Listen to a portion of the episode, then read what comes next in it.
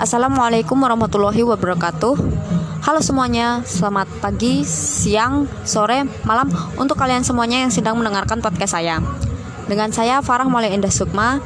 Di sini saya akan menyampaikan materi tentang citizen journalism atau jurnalisme warga sebagai pengumpulan tugas UAS materi kom, materi jurnalisme online yang diampu oleh Mas Jaduk.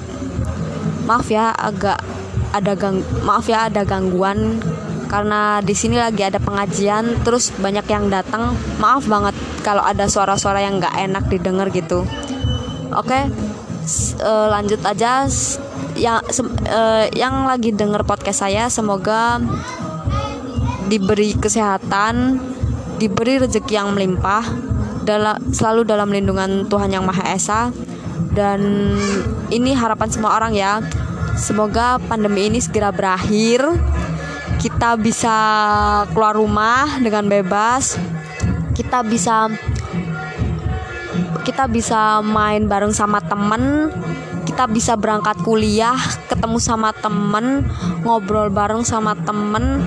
Entah yang diobrolin apa walaupun isinya cuma gibah gibahin temen gibahin dosen gibahin cutting gibahin anak fakultas lain anak fakultas tetangga terus anak prodi lain terus gibahin dosen prodi lain gibahin dosen prodi lain gibahin pro dosen fakultas lainnya entah itu gibahin ibu kantin ah pokoknya gibahin apa aja lah.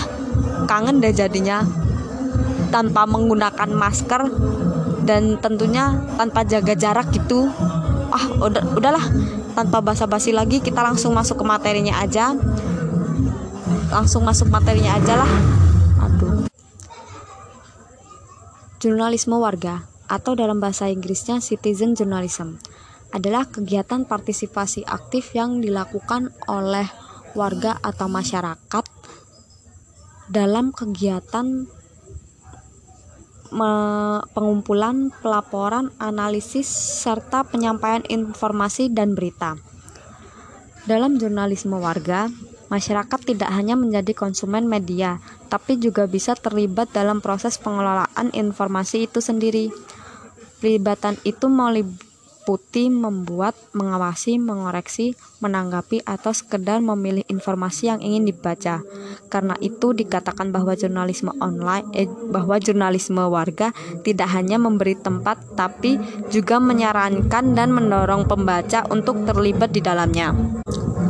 Di zaman sekarang, yang serba gampang, serba, serba mudah, semua orang megang HP dari yang muda sampai yang tua dari anak-anak sampai simbah-simbah semuanya megang HP dan semua dan rata-rata semua masyarakat lapisan masyarakat tuh udah bisa akses internet dengan gampang dengan mudah gitu.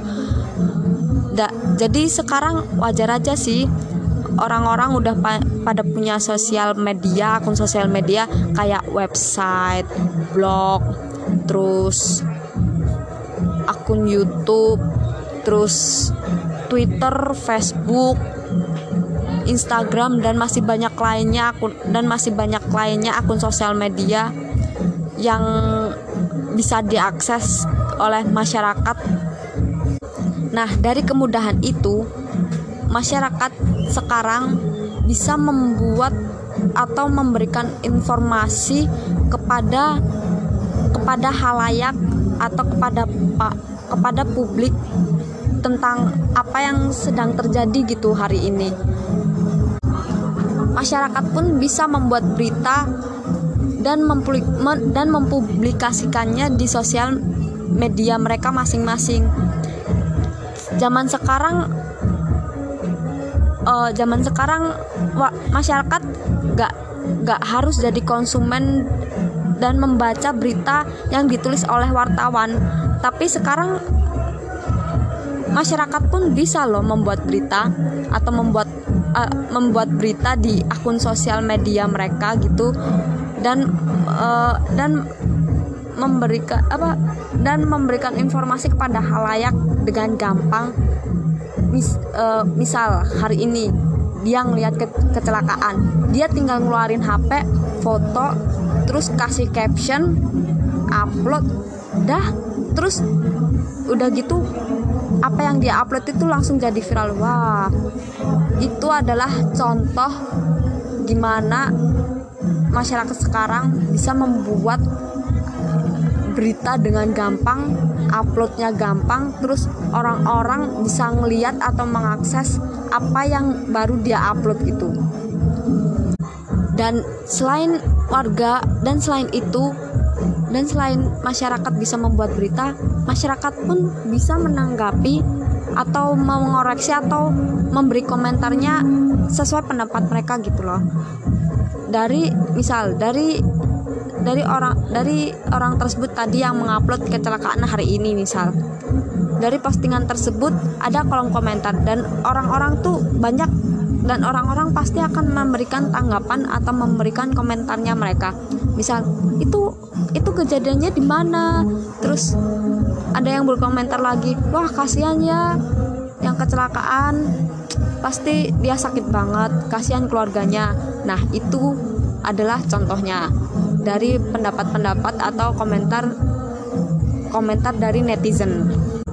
Maka dari itu kenapa di zaman sekarang banyak banget masyarakat bisa membuat masyarakat bisa masyarakat bisa posting upload dengan sesuka hati mereka karena karena akses internet yang mudah dan semua semua orang semua lapisan masyarakat nggak pandang bulu entah itu orang kaya entah itu orang nggak entah itu orang kaya entah itu orang miskin entah itu entah itu bocah entah itu entah itu orang dewasa entah itu entah entah itu guru entah itu wartawan entah itu pemulung eh pemulung mas ya entah itu ibu rumah tangga. Sekarang orang bisa mengakses sekarang orang bisa membuat berita berkomentar membaca membaca berita tersebut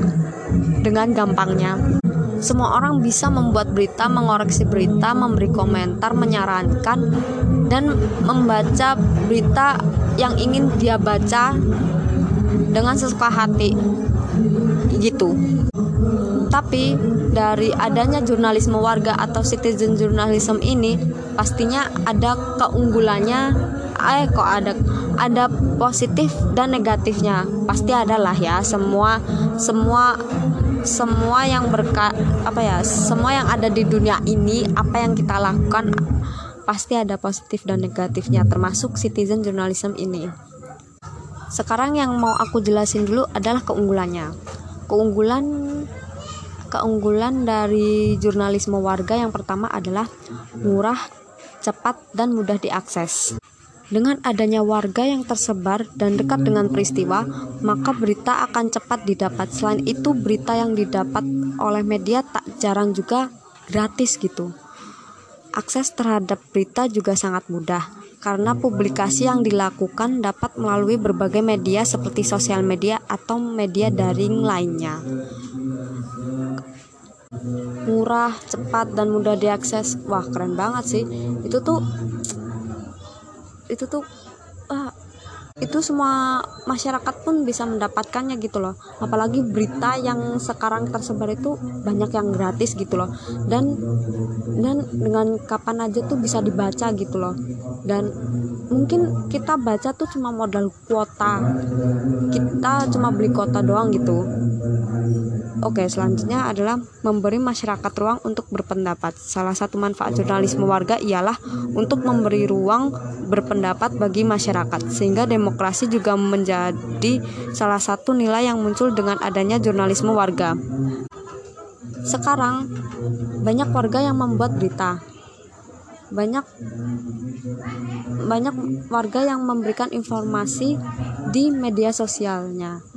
Dan tak jarang juga banyak dari netizen dari netizen juga menanggapi atau berkomentar sesuai pendapat mereka.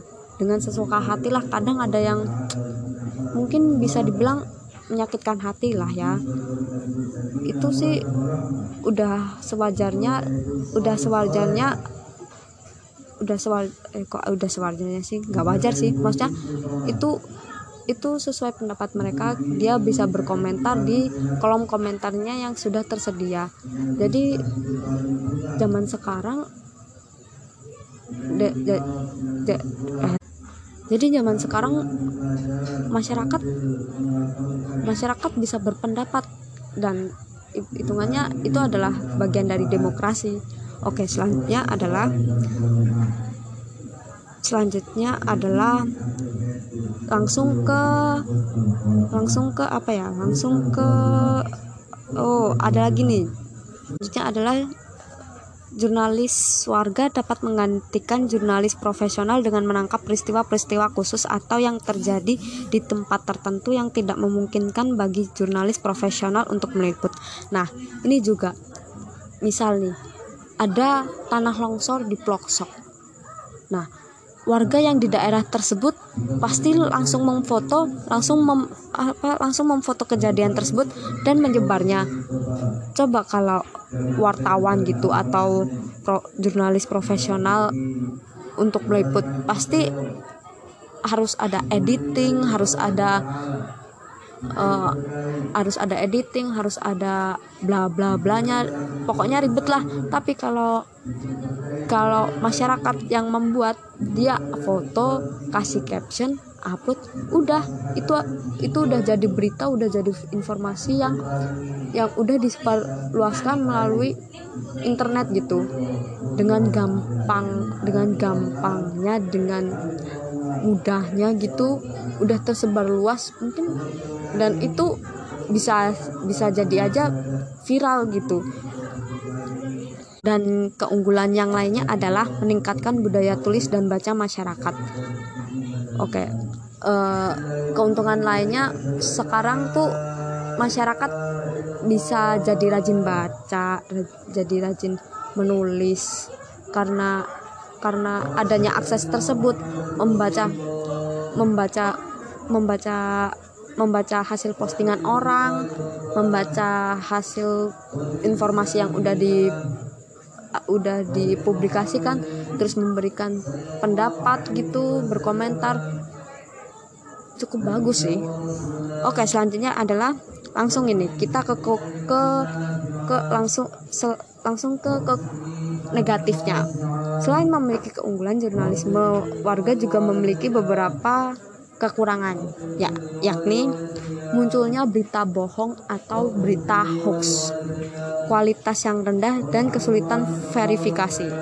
Adanya kebebasan dan ketiadaan aturan membuat berita yang dipublikasikan terkadang memiliki kualitas rendah. Selain itu juga kebenaran berita yang tidak pasti menjadi sesuatu yang patut untuk di diantisipasi.